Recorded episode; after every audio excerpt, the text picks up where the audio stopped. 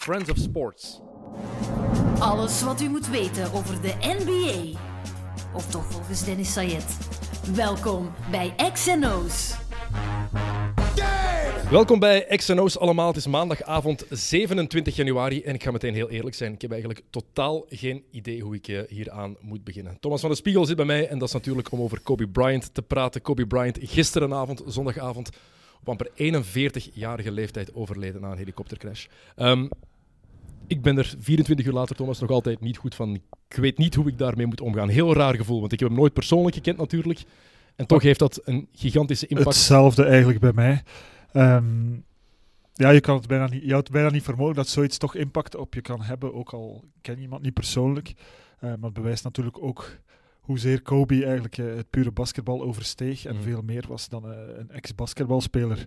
Uh, maar heel vreemd is natuurlijk ook te maken met de dramatische realiteit van een helikoptercrash samen met je dochter. Mhm. Um, ja, dat, dat is iets dat niemand onberoerd laat en ik denk dat dat er ook wel een stukje mee te maken heeft. En ik ben nog, ik was nog ineens een superfan of echt een fan van ik Kobe. Wel, en, dan, ja, weet je, maar dan, ja. en toch komt dit zo hard aan. Ergens ook omdat je denkt bij zo'n mensen, bij zo'n supersterren, dat die onsterfelijk zijn. Je weet dat dat niet waar is, maar in je achterhoofd, zeker als ze nog maar 41 zijn, dan denk je niet dat daar iets mee gaat gebeuren. Dat is zo Ja, algemene aanname. Die supersterren, daar zal het wel goed mee komen. En ik denk dat er ook mee te maken heeft natuurlijk. Hè. Wij schelen enige jaren, je zou het niet zeggen, maar dat is wel zo. Ehm, maar hij heeft wel een groot stuk van wie we zijn. Hè. We zijn eh, geobsedeerd door basketbal al onze hele leven. En eh, hij heeft toch een stuk mee ons geïnspireerd, Mm. mee bepaald wie wij zijn en hoe we naar basketbal kijken vandaag. Dus in ons onderbewust is hij er altijd geweest en gingen we ervan uit dat hij er ook al, hij zal er ook altijd blijven. Maar dan word je plots geconfronteerd toch wel met een, eh, een zeer vreemd gegeven op zondagavond dat je niet goed weet Mhm. hoe je ermee om moet gaan. Je had niet gedacht dat Bill Russell langer ging leven dan Kobe Bryant. Om het even heel nee. simpel te zeggen. Nee, maar Ehm, ook zelfs, eh, ik had het vandaag met, met een vriend over Michael Jordan. Michael Jordan is in de tweede helft van, van de ja, is niet in topconditie, is eh, meer dan 55 ondertussen. mhm. Ehm, zou je nog kunnen zeggen van dat hem iets overkomt, ja, daar moeten we mee dealen. Maar toch niet, toch niet Kobe. Eh, de meest onthechte van alle basketbalspelers, waar we toch ook allemaal na zijn carrière naar opkeken. Absoluut. Eh, we gaan zo verder praten. Ehm, daar straks was het Voet vooruit, opname van ons eh, online programma. We hebben dat wat anders aangepakt eh, met een soort introotje monoloog. Ehm, we hebben die aangepast voor de XNO's podcast. Dus die gaan we even voorlezen voor we daar verder over gaan praten. Kobe Bryant mag toch wel even geschetst worden, natuurlijk. Hè. Eh, we hebben afscheid moeten nemen van een icoon, van een ware sportlegende. Kobe Bean Bryant. Amper 41 jaar en omgekomen in een helikoptercrash. King Kobe, Showboat, Vino of gewoon Black Mamba. Hij is een van de allerbeste die ooit een basketbal in zijn handen heeft gehad. 20 jaar bij de LA Lakers, 5 keer NBA-kampioen, 2 keer Finals MVP, 18-voudig All-Star en 1 keer MVP van de league. Een speler die niemand onberoerd liet. Je hield van hem of je haatte hem. Maar iedereen had er wel tonnen respect voor. Hij was de guy you love to hate. En ook de gast die je automatisch angst inboezemde als je tegen hem supporterde. Gewoon omdat hij zo goed was. Kobe was voor veel basketballiefhebbers wat Michael Jordan voor mij en mijn generatie was. En hij was ook the closest thing to MJ. De dikste benadering die we ooit gezien hebben en die we waarschijnlijk ooit zullen zien. Een fenomenale speler en een fantastische ambassadeur voor de sport waar hij zo van hield. Want Kobe was meer dan een topspeler alleen. Zijn invloed ging de sportgrenzen voorbij. En dat zag je ook aan alle reacties, want de hele sportwereld was en is in totale shock door het nieuws. Van golfer Tiger Woods tot Nick Kyrgios, tot Kim Kleisters, tot Neymar Jr. Kobe heeft ze allemaal op een of andere manier beïnvloed. Vraag maar aan Romelu Lukaku, die zijn grote voorbeeld verliest. De man die hem heeft geïnspireerd om harder te werken dan wie dan ook. Want dat was Kobe Bryant. Super getalenteerd zijn was niet genoeg. Hij moest en zou iedereen outhusselen en harder werken en trainen dan zijn concurrenten. Dat heeft hij gedaan met succes. De schokgolf die door de hele sportwereld is gegaan, is nog altijd enorm voelbaar, zeker in de NBA-wereld. Afgelopen nacht begon elke wedstrijd met een eerbetoon aan Kobe. Eerst de 24 seconden shotklok laten verstrijken en dan de 8 seconden klok. Een eerbetoon aan de twee rugnummers die hij bij de Lakers heeft gedragen. En het ongeloof en verdriet was duidelijk en zal duidelijk blijven. Dat wegstoppen is ook totaal niet nodig natuurlijk. LeBron James was in tranen toen hij in LA landde, nog geen 24 uur nadat hij Kobe had gepasseerd op de topscorerslijst aller tijden.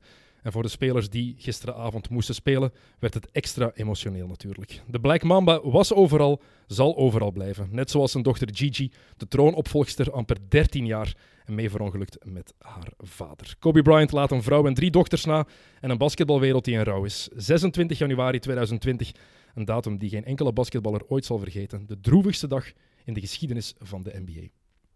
En ik denk dat dat klopt. Ik denk dat dat klopt, dat laatste. Ehm, de droevigste dag in de geschiedenis van de NBA. Ehm, hiervoor was dat, om het dan even zo te rangschikken, dat is belachelijk, maar je weet wat ik bedoel, was dat de aankondiging van het HIV-virus van Magic Johnson, omdat dat toen nog echt een doodsvonnis was. We weten nu dat hij daar gelukkig mee heeft kunnen leven, maar ik denk niet dat de NBA al zo'n dag als gisteren heeft meegemaakt. Nee, totaal niet. En, en je merkte ook dat ze er totaal niet op voorbereid waren. Ehm, ik zat ook te wachten eigenlijk hè, op de Sunday Night Game. Ik zat thuis in mijn zetel Mhm. eh, te wachten en ik vroeg me echt af van hoe gaan die daarmee omgaan? Gaan die wel willen spelen? En je merkte ook dat er een heel rare sfeer heerste gedurende die wedstrijd. Niemand was eigenlijk bezig met het resultaat. Nobody of met- cares. ja, Nee. niemand was daarmee bezig. Dus het was eh, denk ik een heel moeilijke beslissing dat die wedstrijden op dat moment moesten beginnen. En heel wat emotionele spelers ook gezien. Ook wat, heel wat mooie eerbetonen. Trey Young, die voor een keer met nummer 8 gespeeld heeft in plaats van met nummer 11. Ik vond het heel mooi hoe ze aan al die matchen begonnen. Eerste 24 seconden klok laten aflopen, dan de 8 seconden klok. En ja, toepasselijker kan dat niet zijn voor Kobe. Nee, dat is waar. Tegelijkertijd, ja, eh, iedereen wil zijn verdriet op een bepaalde manier uiten op dat moment. En, en, en dan zoek je naar manieren. Maar op zich verandert het eigenlijk niks meer aan de situatie. En, en, en, en moet de NBA ook verder en moet ze nu gaan beslissen wat ze met het All-Star Weekend hebben. Men is nu al aan het nadenken van hoe gaat men het eerbetoon organiseren tijdens het All-Star Weekend. Er waren ook Grammys gisteren. Hè. Dat was ook in een heel andere In sfeer. het Staples Center. Ja. Komt er ook nog eens bij. Hè? Echt In- in zijn ja. zaal, in Kobe zijn huis. in een heel andere sfeer. Ehm, dan dat het normaal doorgaat. Dus eh, ja, het was wel een eh, bevreemdende avond. Eh, eerbetoon tijdens het All-Star Game. Heel wat ideeën natuurlijk die al naar voren zijn gegooid. Wat ik al vaak gehoord heb van heel wat mensen is de ene ploeg met nummer 8 laten spelen, de andere met nummer 24. Ja, ik denk Waarom niet? Inderdaad, waarom niet? Die, die, die rugnummers spelen toch totaal geen rol in het All-Star Game. Dus waarom niet? Dus geen, geen eerbetoon kan groot genoeg zijn. Ik hoorde ook een mooi verhaal van een bloemist in, ehm, in Los Angeles die al de bloemen gratis weggaf om ze aan het, eh, aan het Staples Center te gaan, eh, te gaan plaatsen. Want this is LA en Kobe Mm. was LA. Dus je voelt dat, eh, dat die hele stad, waar hij toch twintig jaar onderdeel van geweest is en die hij mee bepaald heeft, dat hij, dat mee in rouw is. Of hij nu de beste Laker aller tijden is, dat is ergens subjectief. Sommigen zeggen Magic, dan kan je Kareem zeggen. De Lakers hebben zoveel topspelers gehad dat dat, dat heel moeilijk is. Maar ik denk niet dat er een populairdere Lakers-speler is geweest dan Kobe Bryant. Magic Johnson komt waarschijnlijk in de buurt. Ja, maar Kobe ook- heeft er 20 jaar gezeten. Het is ook een ander tijdperk, ehm, maar laat ons zeggen dat hij toch wel de meest invloedrijke Laker uit de geschiedenis eh, op een bepaalde manier geweest is. Ook omdat hij eh, ook naast het terrein eh, een bepaalde impact heeft gehad en dat hij een hele generatie, en dat heeft ook te maken natuurlijk met de moderne manieren van communiceren, maar heeft een hele generatie mee vormgegeven en mee, mee geïnspireerd. Bill Want- Simmons zei dat heel mooi over wat hij nu zegt over die generatie ook. Hij is helemaal meegegroeid met de start van het internet. Gedraft in 1996, toen het internet eigenlijk nog ja, in zijn kinderschoenen stond, zeg maar, en is helemaal mee geëvolueerd. Facebook is daarbij gekomen, eh, Twitter is erbij gekomen, Instagram is daarbij Je zei gekomen. Ik zei Tinder. Is er ook bij gekomen, daar zal hij zelf geen last van gehad hebben. Eh, maar is helemaal meegegroeid zo met het internet, met de sociale media. En je kan Kobe zijn carrière daar perfect mee gelijk zetten. Ja, nee, dat, dat is zo. En hij, heeft daar ook altijd op een zeer waardige manier toch mee omgesprongen. Hij heeft, eh, wat ik enorm bewonderde aan Kobe is dat hij, hij, hij sprak alleen als hij iets te zeggen had. Ehm, was het over basketbal, was het niet over basketbal, maar het was niet iemand ehm, die zichzelf graag hoorde babbelen en die, die communiceerde om te communiceren. Of die zodanig bezig was met de lifestyle en met, met zijn imago, dat hij het gevoel had van ik moet alle dagen iets zeggen. Bij Kobe had hij het gevoel als hij iets zegt, het was relevant. Op een positieve, soms op een negatieve manier, maar het was wel altijd relevant. Wat Zeker in het tweede deel van zijn carrière, want we hebben verschillende Kobe's gezien. De Kobe die 17, 18 jaar was toen hij de NBA binnenkwam, ja, het was letterlijk nog een kind. Hm. Kan je niet vergelijken met de Kobe die zijn tweede titel won, dus zijn vijfde titel won bijvoorbeeld tegen de Celtics. Het was een totaal andere mens Nee, dat kan je ook niet vergelijken met de Kobe eh, als ex-speler, Mhm. die een bepaalde Die veel zachter geworden was. Zachter eh, en die een bepaalde rust uitstraalde die hij niet had eh, toen hij wel nog speelde. Dus dat is waar, maar dat is na- denk ik normaal. Hè. Als je naar jezelf kijkt ook. Eh, op 20 jaar, 20 jaar evolueert een mens eh, Mhm. heel erg. En, en, en als je terugkijkt naar je jonge zelf, dat geldt voor iedereen. En dat is het ding Eh, wat Kobe nog extra speciaal maakt voor heel veel basketballiefhebbers. Net zoals met LeBron James. We hebben hem zien opgroeien. Letterlijk, we hebben vanaf zijn zeventiende hebben hem in de NBA gezien, is gedraft als high school kid in 96 en we hebben hem gewoon compleet kunnen volgen tot eigenlijk aan zijn dood, want we wisten allemaal perfect waar Kobe nog mee bezig was. Zelfs tot gisteren. Ja, ja het is zo. Eh, met LeBron James en, en, en het bloemetjes naar elkaar gooien, hoe goed ze elkaar wel niet vonden. Dus eh, nee, dat klopt, dat is absoluut waar. En dat is ook de reden dat het zoveel mensen beroert. Eh, daarnaast heb je natuurlijk het gegeven dat het uh, een sportoverschrijdend figuur was. Hè. Uh, ik maakte voor de journaals ook de vergelijking Ronaldo-Messi. Zo moet je het echt zien. Iedereen die een beetje van basketbal houdt of kent, of, ja, dat is vergelijkbaar met, met een voetbalfan die Ronaldo of Messi zou verliezen. Zo'n iconisch figuur waar iedereen ook tijdens zijn carrière wel, wel, een mening over had. Daar hebben we het er net even over gehad. Hè. Je was voor of tegen hem. Um, maar daardoor raakt hij ook veel mensen. Het is een van de meest polariserende NBA-spelers die er ooit geweest zijn, denk ik. Als je, je kon niet gewoon neutraal over Kobe zijn. Ofwel was je helemaal voor, ofwel was je tegen. Maar wat iedereen wel had, is dat je, iedereen had respect voor hem. Zelfs al haatte je Kobe, al was je echt tegen de Lakers, je, ja, Kobe, je kon niet anders dan hem respecteren, gewoon omdat hij, omdat hij zo verdomd goed was. Ja, enerzijds en anderzijds omdat hij gewoon de hardst werkende... Mhm basketbalspeler op de planeet was. Ehm, die constant zijn, zijn game wilde, wilde verbeteren, die nooit tevreden was over zichzelf. En hij was ook wel niet altijd heel erg geliefd uh, binnen het team, omdat hij de lat ook even hoog legde voor iedereen rondom hem. Uh, hij ging ervan uit, als ik zo hard werk, moet iedereen dat doen.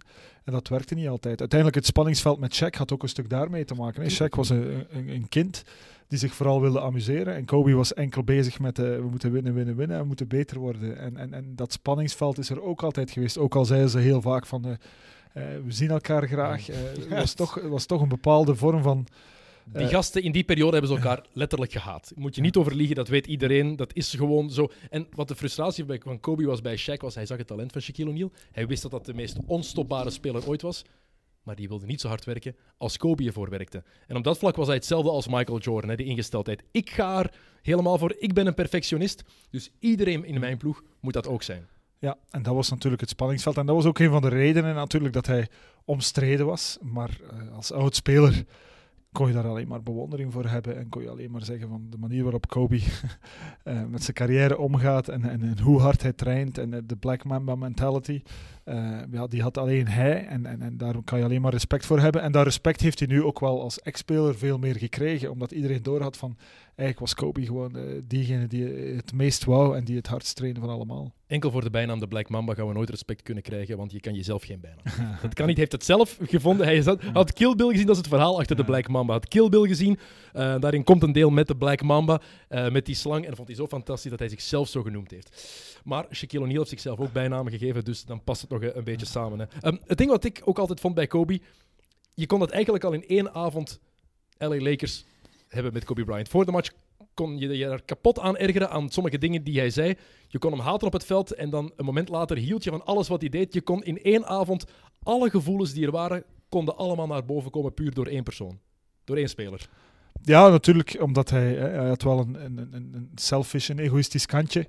dat is, dat, uh, en dat is misschien een understatement, uh, maar dat had ook gewoon met zijn winnaarsmentaliteit een stuk te maken. Dat hij dacht van, ik moet het hier forceren heel vaak. Dus in een wedstrijd kon je een, een Kobe zien inderdaad, waar je heel erg aan ergerde maar tegelijkertijd kon het ook betekenen dat hij het laatste kwart gewoon de wedstrijd volledig in handen nam en, en, en iedereen naar huis speelde en ervoor zorgde dat de Lakers wonnen. Dus we mogen niet vergeten, en ook al zijn er drie met check, maar hij heeft toch vijf ringen. En we mogen wel zeggen, hij benaderde Jordan het meest van allemaal. Maar ook op het vlak van ringen benaderde Jordan het meest van allemaal. En, en we mogen LeBron nu zo fantastisch vinden. En daar moeten we straks misschien nog even over hebben, de vergelijking met LeBron. Maar tegelijkertijd, ja, LeBron zal waarschijnlijk nooit die vijf ringen halen. Uh, en Kobe heeft er ook twee gewonnen zonder. Uh, mm. met, met een Lakers team dat goed was, maar niet, uh, niet met Shaq. Dus daar moeten we ook wel respect voor hebben. wat mij ook altijd heel hard opvalt bij Kobe Bryant, is hoe alle andere basketbalspelers over hem praten. En dat is misschien eigenlijk nog het, misschien wel het belangrijkste. Want iedereen die tegen Kobe gespeeld heeft of met hem gespeeld heeft, kan alleen maar zeggen hoe fantastisch Kobe is, hoe goed die gast is. Je hebt nog nooit zelfs al was de band met een bepaalde speler niet goed, je hebt nooit iemand horen zeggen: Kobe is wel een goede basketter. Maar nee, iedereen was alleen maar altijd lovend over Kobe. Dat, dat zegt toch veel dat alle andere spelers zo ja, hebben? Meestal zegt men van de doden niks dan goeds, maar, maar het was ook al ervoor dat men met heel veel respect altijd over Kobe sprak. Um, maar ik denk dat dat ook te maken heeft met een bepaalde vorm van bewondering. Hè. Wat ik daarnet zei, dat onthechte. Uh, Kobe sprak alleen maar als hij iets te zeggen had, maar Kobe was ook diegene die uh, een heel aantal talen sprak die, die een heel uh, open mind had naar de rest van de wereld, wat niet altijd het geval is bij, bij spelers. Zeker de Afro Amerikaanse spelers in de NBA hebben dat ehm, vaker niet, hè, omdat zij heel erg gefocust zijn op, op, op, op het, op het NBA-speler zijn. Kobe is natuurlijk een donkere jongen die opgegroeid is in Italië. Zijn vader speelde daar professioneel. Is onmiddellijk terechtgekomen in, in, in een maatschappij van blanken waar hij zich moest bewijzen, maar waar hij direct Italiaans geleerd heeft. En, en dat openen, dat heeft hij de rest van zijn carrière eigenlijk behouden. Hè. Na zijn carrière stopt hij dan. Uh, we vragen ons af wat gaat hij gaan doen. Dan gaat hij animatiefilms gaan maken. Dan, denken we, ja, dan denken we van, uh, dat kan alleen Kobe om, om op die manier naar de dingen te kijken en, en, en daar op die manier mee bezig te zijn en zich niet vast te klampen um, aan wat hij ooit geweest was, maar nieuwe dingen te gaan exploreren. Um, en ik denk dat die vorm van bewondering die er leeft bij heel veel andere atleten ook daarmee te maken heeft. Van, van Kobe was gewoon meer dan een atleet. We wilden eigenlijk allemaal een beetje Kobe zijn en we willen eigenlijk allemaal hij wilde ook niet zomaar een analist zijn. Als hij het maakte, dan was het, waren die specials die hij voor ESPN maakte. Uh, het, was al, het was niet zomaar Kobe die even in de studio gaat zitten en mee gaat praten. Hij wou altijd iets speciaals doen. Was als speler zo. En na zijn carrière ook zo. En je hebt het over die talen gehad. En wat ik daar interessant aan vind, want hij spreekt perfect Italiaans, Spaans geleerd. Maar hij heeft zelfs Frans geleerd, zodat hij tijdens de match tegen de Spurs kon trash talken tegen Tony Parker. En dat zegt eigenlijk alles van over Kobe Bryant, die een taal gaat leren, zodat hij gewoon iemand kan uitschelden tijdens een wedstrijd. En zo een mentaal voor, voordeel haalt ten opzichte van een rechtstreekse rivaal. dat is fantastisch. Een paar weken geleden, Doncic uh, geeft een inboundspas. Uh, Doncic, de nieuwe grote ster uh, aan het basketbalfirmament, geeft een inboundspas in het Staples Center aan de zijlijn. En hij hoort iemand die, die hem in het Servo-Kroatisch, want Doncic is eigenlijk een Sloveen, maar spreekt van thuis uit Servo-Kroatisch.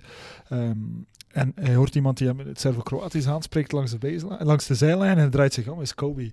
dat, dat kon alleen Kobe. Mm dus om ook daarmee bezig te zijn en ook te denken van als Luca hier in de buurt komt, dan ga ik eens even...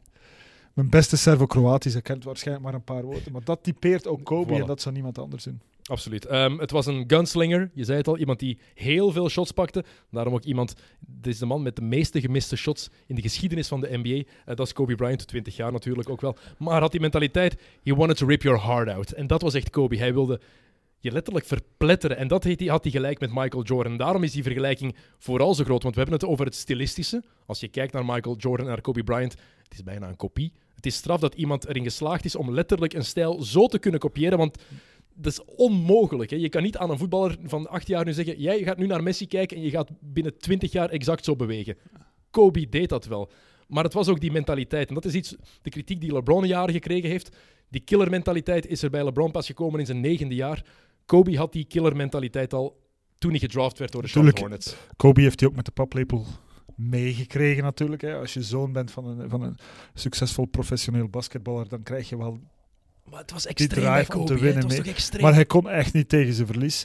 Um, Jordan kopiëren, ja, dat is natuurlijk niet zo evident. Hij was wel begiftigd met, met hetzelfde lichaam eigenlijk, dat moeten we wel zeggen. Exact hetzelfde, exact, exact dezelfde lengte, exact hetzelfde bodytype, misschien iets vrijler dan Jordan. Maar als je naar college tapes kijkt van Jordan, die was eigenlijk ook frail uh, bij North Carolina. Dus uh, dat heeft wel geholpen. Maar, maar laat ons eerlijk zijn. Hij heeft die gewoon gekopieerd. Hij heeft daar uren en uren, jaren en jaren op getraind. Het voetenwerk, vooral die kleine om, dingen, niet exact, per se. Ja. Om exact diezelfde moves van Michael Jordan uh, te kunnen gebruiken. Omdat hij ook wist van als ik die aan mijn, aan mijn, aan mijn, aan mijn skills toevoeg, uh, ja, dan, dan, dan kan ik een van de meest onstopbare spelers worden uit de geschiedenis. Je haalde, de, je haalde net al de vergelijking ook aan met Cristiano Ronaldo. En ik vind dat misschien wel de beste voetbalvergelijking. Want Ronaldo staat ook bekend als de hardste werker in het internationale voetbal. Als een ploegmaat die zeggen, als we eens naar Ronaldo thuis gaan, moeten we uren trainen. Ja, bij Kobe was dat net hetzelfde. Hè. Uh, dat is ook de reden dat hij trouwens die helikopters is beginnen pakken. Doet het al tientallen jaren. En het was omdat hij de files in LA wilde vermijden. Dat is een hel daar. En als hij de helikopter pakte, was hij op een kwartiertje heen en terug. En dan kon hij zoveel mogelijk tijd bij zijn familie spenderen. Dat was de reden dat hij dat deed. Dan kon hij zijn kinderen van school gaan halen, dan wel met de wagen, dat ze samen in de wagen in de file zaten, maar dat hij zo weinig mogelijk tijd verloor om niet bij zijn gezin te zijn. En dan is het, ja, het is een, een pijnlijk ongeval, want er werd al gezegd, waarom pak je de wagen niet, Kobe? Daarom deed hij dat dus niet.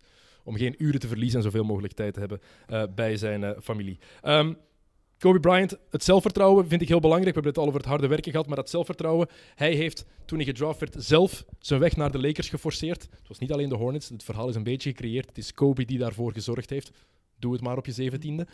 En het is ook iemand die dan zoveel zelfvertrouwen heeft dat hij als rookie in de conference finals um, op het veld komt tegen de Utah Jazz. Of de tweede ronde was het tegen de Utah Jazz. En ervoor kiest om in het vierde kwart, als het op aankomt en in overtime, gewoon die driepunters te pakken die nodig zijn. Hij heeft vier airballs gegooid toen op een rij. Vier airballs. En heeft zich er geen zak van aangetrokken. En Shaq zegt altijd, toen wist ik, oeh, that's gonna be a great one. Omdat hij zich er niks van aantrok. Vier airballs, ja, next play.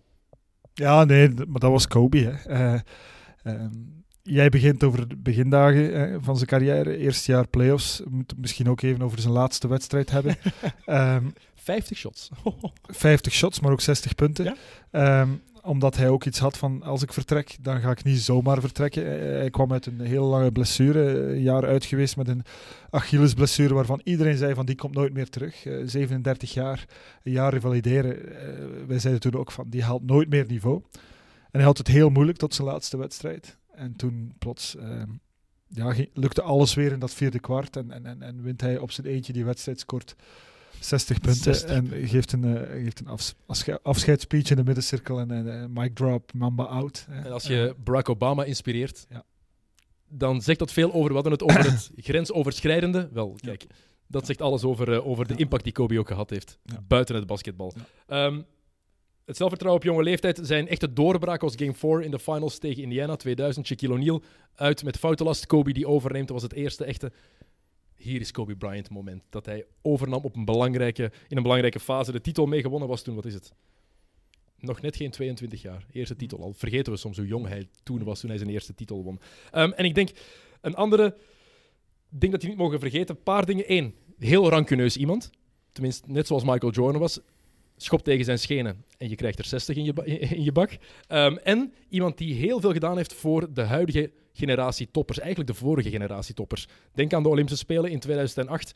Dwayne Wade, Chris Bosh, Dwight Howard, LeBron James, Chris Paul. Die hebben allemaal de beste seizoenen van de beste jaren gehad net na die Olympische Spelen. En ik denk dat Kobe daar een hele grote rol gespeeld heeft in hoe hij die, die gasten heeft begeleid. Ja, dat moeten we hem ook wel meegeven. Team USA vond hij zeer belangrijk. Eh, in tegenstelling tot bijvoorbeeld de huidige generatie die daar anders mee omspringt. Kobe vond eh, het nationaal team en vond het een enorme eer om voor de USA te spelen. Dus heeft twee Olympische Spelen goud gewonnen, maar heeft ook veel meer. Hij heeft de WK's gespeeld. Dus hij, hij vond dat zeer belangrijk. En ik denk dat het er hem ook om ging van aan de rest van de wereld ook eens te tonen eh, waarvoor hij stond. Want dan kreeg hij plots een andere een ander playing field. Hè. En dan ging hij naar China. Hij was nu ambassadeur trouwens eh, van het eh, laatste WK. Dat deed hij ook dan nog. Hè, omdat hij het gevoel had van ik kan ook Kobe Bryant uitdragen naar, eh, naar, meer, dan enkele, naar meer dan enkel de NBA. En ik denk dat hij inderdaad voor al die mannen een enorm voorbeeld, enorm inspirerend geweest is. Net als hij dat voor ons geweest is. Iedereen heeft met Kobe's aan zijn voeten gespeeld. Hè. Eerst had je de Jordans, dan waren de, de Kobe's, die trouwens super comfortabel waren. Ik heb er zelf Ik heb er, ik heb er nooit mee gespeeld. ja, ik heb er jaren mee gespeeld. eh, Mijn, mijn, broer, heel veel vrienden ja. ook.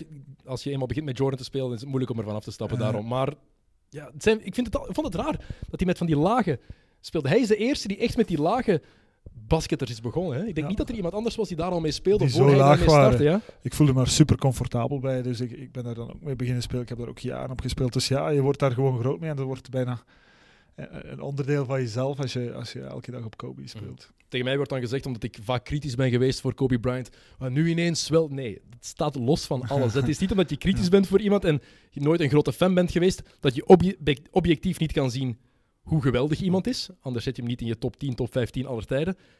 En sowieso, dit is gewoon een menselijk drama. Hm. Gast is 41 jaar.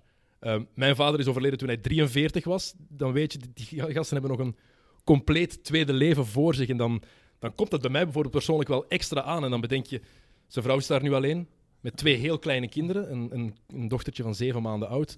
Ehm, dit is zoveel meer dan enkel een drama voor de NBA. Ehm, en ik denk dat dat echt nog gaat nazinderen in LA. Want in LA was hij ook meer dan enkel Kobe Bryant, de basketbalspeler. Kobe Bryant en Los Angeles waren twee synoniemen geworden. Ja, sowieso. En, en, en wat, je, wat je daar zegt klopt helemaal. Hè. Eh, wat het ook extra moeilijk maakt, denk ik, voor iedereen is het feit dat Gigi erbij was. Ja. Eh, want iedereen heeft wel kinderen. Ik heb ook een dochter van tien, dus je relateert daar veel makkelijker mee. En, en dat vind je misschien nog een groter drama dan enkel het feit dat je, dat, dat je een ster verliest. Dus sowieso gaat het, eh, het gaat verder dan de basketballer Kobe Bryant. Het gaat vooral over eh, wat voor drama dit, dit is. Ja, er zaten ook nog andere mensen aan boord van die helikopter. en Negen- dat is negen- minstens, ja, dat is minstens even, even dramatisch. Dus klopt. Ehm, ik ben in elk geval van plan. Ik heb nog eh, de Pontel VHS-cassette van zijn eh, 81 punten tegen Toronto. Ja, 81. Uh, ik heb die ergens in de kelder in een kartonnen doos zitten. Ik heb daar ook nog een VHS-recorder uh, staan, dus ik ga sowieso uh, die vanavond of morgen nog eens terug aansluiten. En in uh, heel slechte kwaliteit naar die wedstrijd die ik toen speciaal besteld heb. Um, toch nog eens opnieuw kijken uh, om te genieten van Kobe Bryant. ik heb de finals van 2000 nog helemaal, zijn eerste titel nog helemaal op cassette staan. Zelf opgenomen toen met Erik Goens en Tony van den Bos als commentatoren, denk ik. Of was het nog Lucien van Kerschaver? Ik weet het niet. Wie het was. Alleszins zeker met Erik. Ik denk dat mijn avond daar ook wel uit gaat bestaan terug echt oude Kobe-beelden. Niet, ja. Ik wil niet de Kobe met nummer 24. Vanavond is het echt young Kobe. The real Kobe. Voilà. Uh, Thomas, uh, oké, in één zin, hoe ga jij Kobe onthouden? Heel moeilijk. Put ja, je aan de spot, ik weet het. In één zin. Uh, voor mij waren er MJ, MJ en Kobe. En, en iets anders was er niet. Um, ik ben niet echt het type dat idolen had. Maar, maar als ik moet kiezen, ja, dan... ik ben als kind geïnspireerd geweest door MJ en als speler door Kobe. Dus ik ga dat zo proberen houden. Dat is heel mooi om het hierbij af te sluiten. Voilà, de XNO's Kobe special zit erop. Een heel ja, jammerlijk verlies natuurlijk. Kobe Bryant, 41 jaar, veel te jong van ons heen gegaan. En zoals Thomas net zei, die andere slachtoffer, onder andere is een 13-jarig dochtertje Gigi. Een paar van haar ploegmaats mogen we ook alles behalve vergeten. Goed, Thomas, bedankt dat je even tijd kon maken op deze maandagavond. Ik dank u voor het luisteren. Uh, dames en heren, vergeet niet om de podcast van Friends of Sports in de gaten te houden. Er is deze week onder andere nog een extra XNO's, die komt er nog aan. En er is ook Mid-Mid, als ik me niet vergis, wordt die op donderdag opgenomen. Dus voor een keer niet op dinsdag, maar vergeet dat zeker niet. En als je nog niet geabonneerd bent, abonneer je op de XNO's podcast via iTunes, via Spotify, waar het ook is. En op de podcast van Friends of Sports. En geef ons ook een rating onderaan, 5 sterren. Dat werkt altijd goed. Tot de volgende keer. Ciao. Friends of Sports.